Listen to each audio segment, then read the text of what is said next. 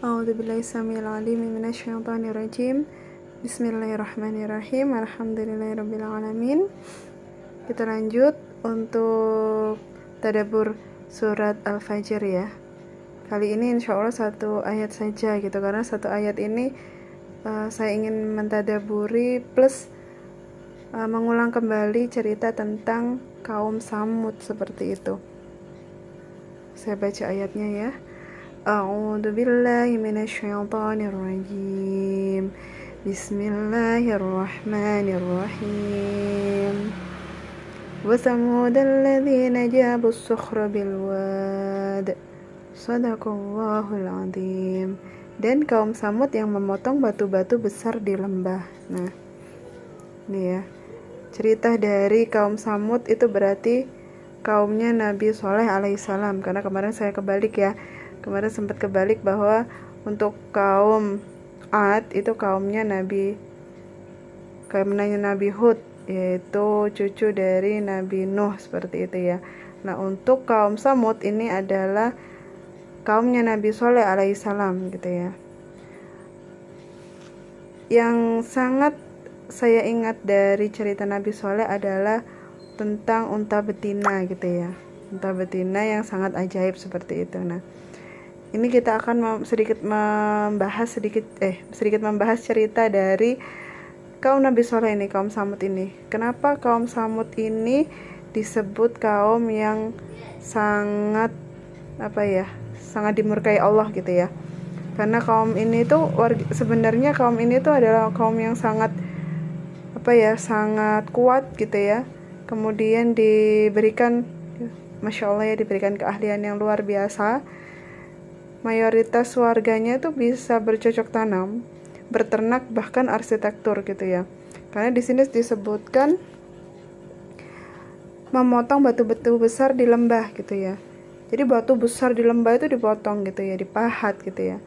Saking kerennya gitu ya, saking hebatnya kaum Samud itu seperti itu. Nah, mereka juga pandai bercocok tanam dan berternak juga, tapi dengan keahliannya tersebut itu membuat kaum Samud menjadi sombong dan merendahkan kaum yang lainnya. Gaya hidupnya itu penuh dengan maksiat, ya Allah. Karena mereka punya keahlian, ya kan cocok tanamnya subur, peternaknya juga banyak sekali apa namanya itu berkembang biak gitu ya. Akhirnya mereka hanya melakukan kemaksiatan. Mereka sudah tersengat dunia sehingga lupa dengan akhirat sehingga tidak bisa menerima dakwah dari Nabi Soleh. Mereka berfoya-foya, mabuk-mabukan, berzina dan melakukan tindak kejahatan gitu ya. Nih. Jadi kalau misalkan hari ini itu banyak orang-orang yang foya-foya gitu ya, punya slogan foya-foya, hidup apa uh, kaya raya gitu ya, mati masuk surga gitu ya. Enggak, matinya itu masuk neraka ya, naudzubillah dalik jadi udah telat kalau sekarang itu banyak orang yang gaya hidupnya apa namanya itu berfoya-foya ya. Karena zaman dulu itu sudah keduluan kaum samud ini yang sudah melakukan semua kejahatan lengkap lah komplit ya. Mulai dari mabuk zina bahkan kejahatan seperti itu ya. Akhirnya Nabi Soleh mendakwahi untuk mengajak kepada jalan kebenaran gitu ya. Di sini ada salah satu surat Hud ayat ke-61 ya Wahai kaumku sembahlah Allah. Sekali-kali tidak ada bagimu Tuhan selain dia. Dia telah menciptakan kamu dari bumi Dan menjadikan kamu pemakmurnya. Karena itu mohonlah ampunannya Kemudian bertaubatlah kepadanya. Sesungguhnya Tuhanku amat dekat Rahmatnya lagi memperkenankan doa hambanya. Kurang apa lagi? Kurang apa lagi halusnya Allah gitu ya. Sudah ber sudah melakukan maksiat ibaratnya kita ya kalau misalnya kita sudah dihina disakiti gitu ya dikhianati gitu ya.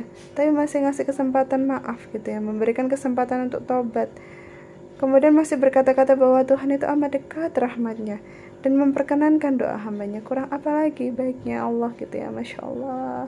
Kurang apa lagi rahmatnya Allah. Tapi mereka masih tidak mau tidak mau gitu ya tidak menerima keba, apa namanya kebenaran itu. Lalu mereka malah marah gitu ya. Hai soleh gitu ya. Ini di Quran surat Hud kelanjutannya ya Sesungguhnya kamu sebelum ini adalah seorang di antara kami yang kami harapkan. Apakah kamu melarang kami untuk menyembah apa yang disembah oleh bapak-bapak kami? Sesungguhnya kami ragu dan khawatir terhadap apa yang agama yang kamu serukan kepada kami. Mereka masih menganut paham nenek moyang gitu ya. jadi mereka masih kekeh untuk berfoya-foya karena memang seperti itu ya karena memang seperti itu godaan ya. Namanya dunia itu senantiasa penuh dengan godaan. Ketika mereka menganut agamanya Nabi Sallallahu otomatis mereka harus meninggalkan foya-foya itu kemudian berbuat kemaksiatan itu harus mereka tinggalkan. Tapi mereka ragu gitu. Sebenarnya inilah yang membuat apa namanya itu kita berada di dalam jalan yang kesesatan tuh ragu-ragu ini loh. Karena syaitan itu tugasnya gitu membuat kita tuh ragu khawatir. Saya tuh dulu sempat ragu loh kenapa kita nggak bisa melihat Allah? Bener nggak sih surga neraka itu ada? Bener nggak sih ketika kita mati itu kita akan dibangkitkan? Seperti apa dibangkitkan itu? Nah dari dulu saya pernah seragu itu gitu. Berpikir gitu ya. Berpikirnya itu kebablasan di luar nalar gitu ya. Dalil nakli yang saya tidak bisa difikirkan justru saya pikirkan. Dalil akli yang sudah sudah nyata-nyata itu terbukti malah nggak saya tadaburi. Ini yang salah. Kadang-kadang ya orang-orang yang naudzubillah dari ya profesor guru besar gitu ya bisa murtad itu karena itu. Sangat saking pintarnya saking pandainya gitu ya. Tahu hadis tahu ini gitu ya pembanding segala macam yang dipikirin dalil nakli yang di luar dari batas nalar kita. Yang nggak nyambung itu bukan ranah kita untuk membicarakan hal tersebut. Harusnya kita fokus kepada dalil akli dan dalil nakli cukup kita imani seperti itu ya. Oh alam bisawab itu yang harus memang ya harus senantiasa menumbuhkan keimanan kita supaya tebal, tebal, tebal dan kuat menghadapi goncangan, kemudian ujian dan segala macam yang ada di dunia ini seperti itu. Nah, kemudian dengan penolakan tersebut Allah Nabi SAW memohon kepada Allah menurunkan mujizat agar percaya gitu ya. Akhirnya uh, Allah memerintahkan Nabi SAW untuk memukul tangannya ke atas permukaan batu tek gitu yang di depannya. Lalu muncul seekor unta betina yang besar yang gemuk Nah, kurang apa lagi? Mana ada gitu ya. Hewan keluar dari batu itu mana ada gitu ya. Jikalau tidak mujizat, jikalau tidak karena Allah gitu ya.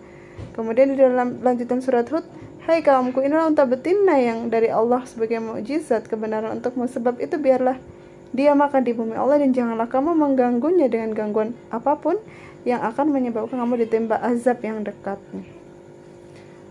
Sudah seperti itu ya itu tuh masih ada orang-orang yang terperanjat kemudian menangkui kenabiannya. Tapi masih ada juga yang menganggap Nabi Soleh itu bermain sihir untuk mengelabui gitu ya dalik ya.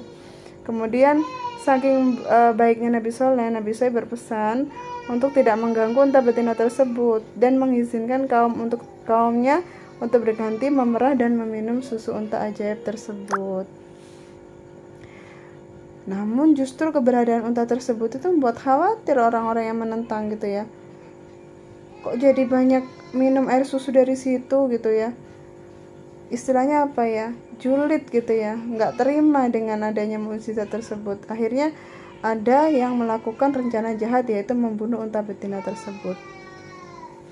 Nah, suatu hari, dua pemuda yaitu kaum Samud yang bernama Mushadda bin Muharrij dan Gudar bin Salif berhasil membunuh unta betina tersebut dengan cara meng mengawasi unta saat akan minum nih. Nggak ada orang diawasi lah lalu untanya akan minum. Kan lengah ya. Kemudian dengan cepat memanah betis betina unta uh, betis unta betina tersebut musyadda ini ya kemudian gudar yang menikam ke perut unta. Kemudian wafatlah men, uh, matilah unta tersebut. Nah azab bagi orang-orang kaum samud nih. Jadi sebenarnya ini yang merencanakan memang dua orang ini gitu. Yang merencana yang membunuh memang Musada dan Godar ini. Tapi kaum Samud yang menentang itu mereka sepakat gitu. Makanya disebutkan bahwa yang paling ya kan yang paling celaka ini dua orang ini yang membunuh. Tapi kenapa disebutkan paling celaka? Karena semuanya celaka karena mereka sepakat berdasarkan kesepakatan bersama. Yang paling celaka mereka tapi yang lain juga celaka akan diazab gitu ya. Akhirnya Nabi Saleh mengumumkan bahwa jika tidak sedih ya namanya sudah diberikan mujizat segala macam masih diberi kesempatan untuk bertobat masih seperti itu maka diingatkan gitu ya. Maka turunlah azab. Kalau Nabi itu sudah bersedih dan sudah menyerah maka ya sudah Allah yang turun tangan menurunkan azabnya. Dan salah satu tanda azab tersebut hari pertama saat terbangun mereka akan menemui wajah mereka menjadi kuning seperti sakit liver gitu ya. Hari kedua berubah menjadi merah gitu ya kemudian hari ketiga wajah mereka akan menjadi hitam. Dan pada hari keempat turunlah azab azab Allah. Nah ini diceritakan oleh Ustadz Firanda ya bahwa sebelum uh, hari keempat itu ada uh, sembilan orang ya itu ingin membunuh Nabi Soleh dan pengikutnya gitu ya. Waduh daripada saya daripada kita yang mati semuanya ya mendingan kita mati bersama-sama aja jadi mereka tuh sebenarnya percaya akan ada turunnya azab karena mereka tahu mujizatnya Nabi Soleh. Ini lucu ya mereka percaya tapi mereka nggak mau kalau mati sendiri. Jadi pengen membunuh Nabi Soleh. Tapi pada akhirnya uh, mereka justru wafat sendiri gitu ya.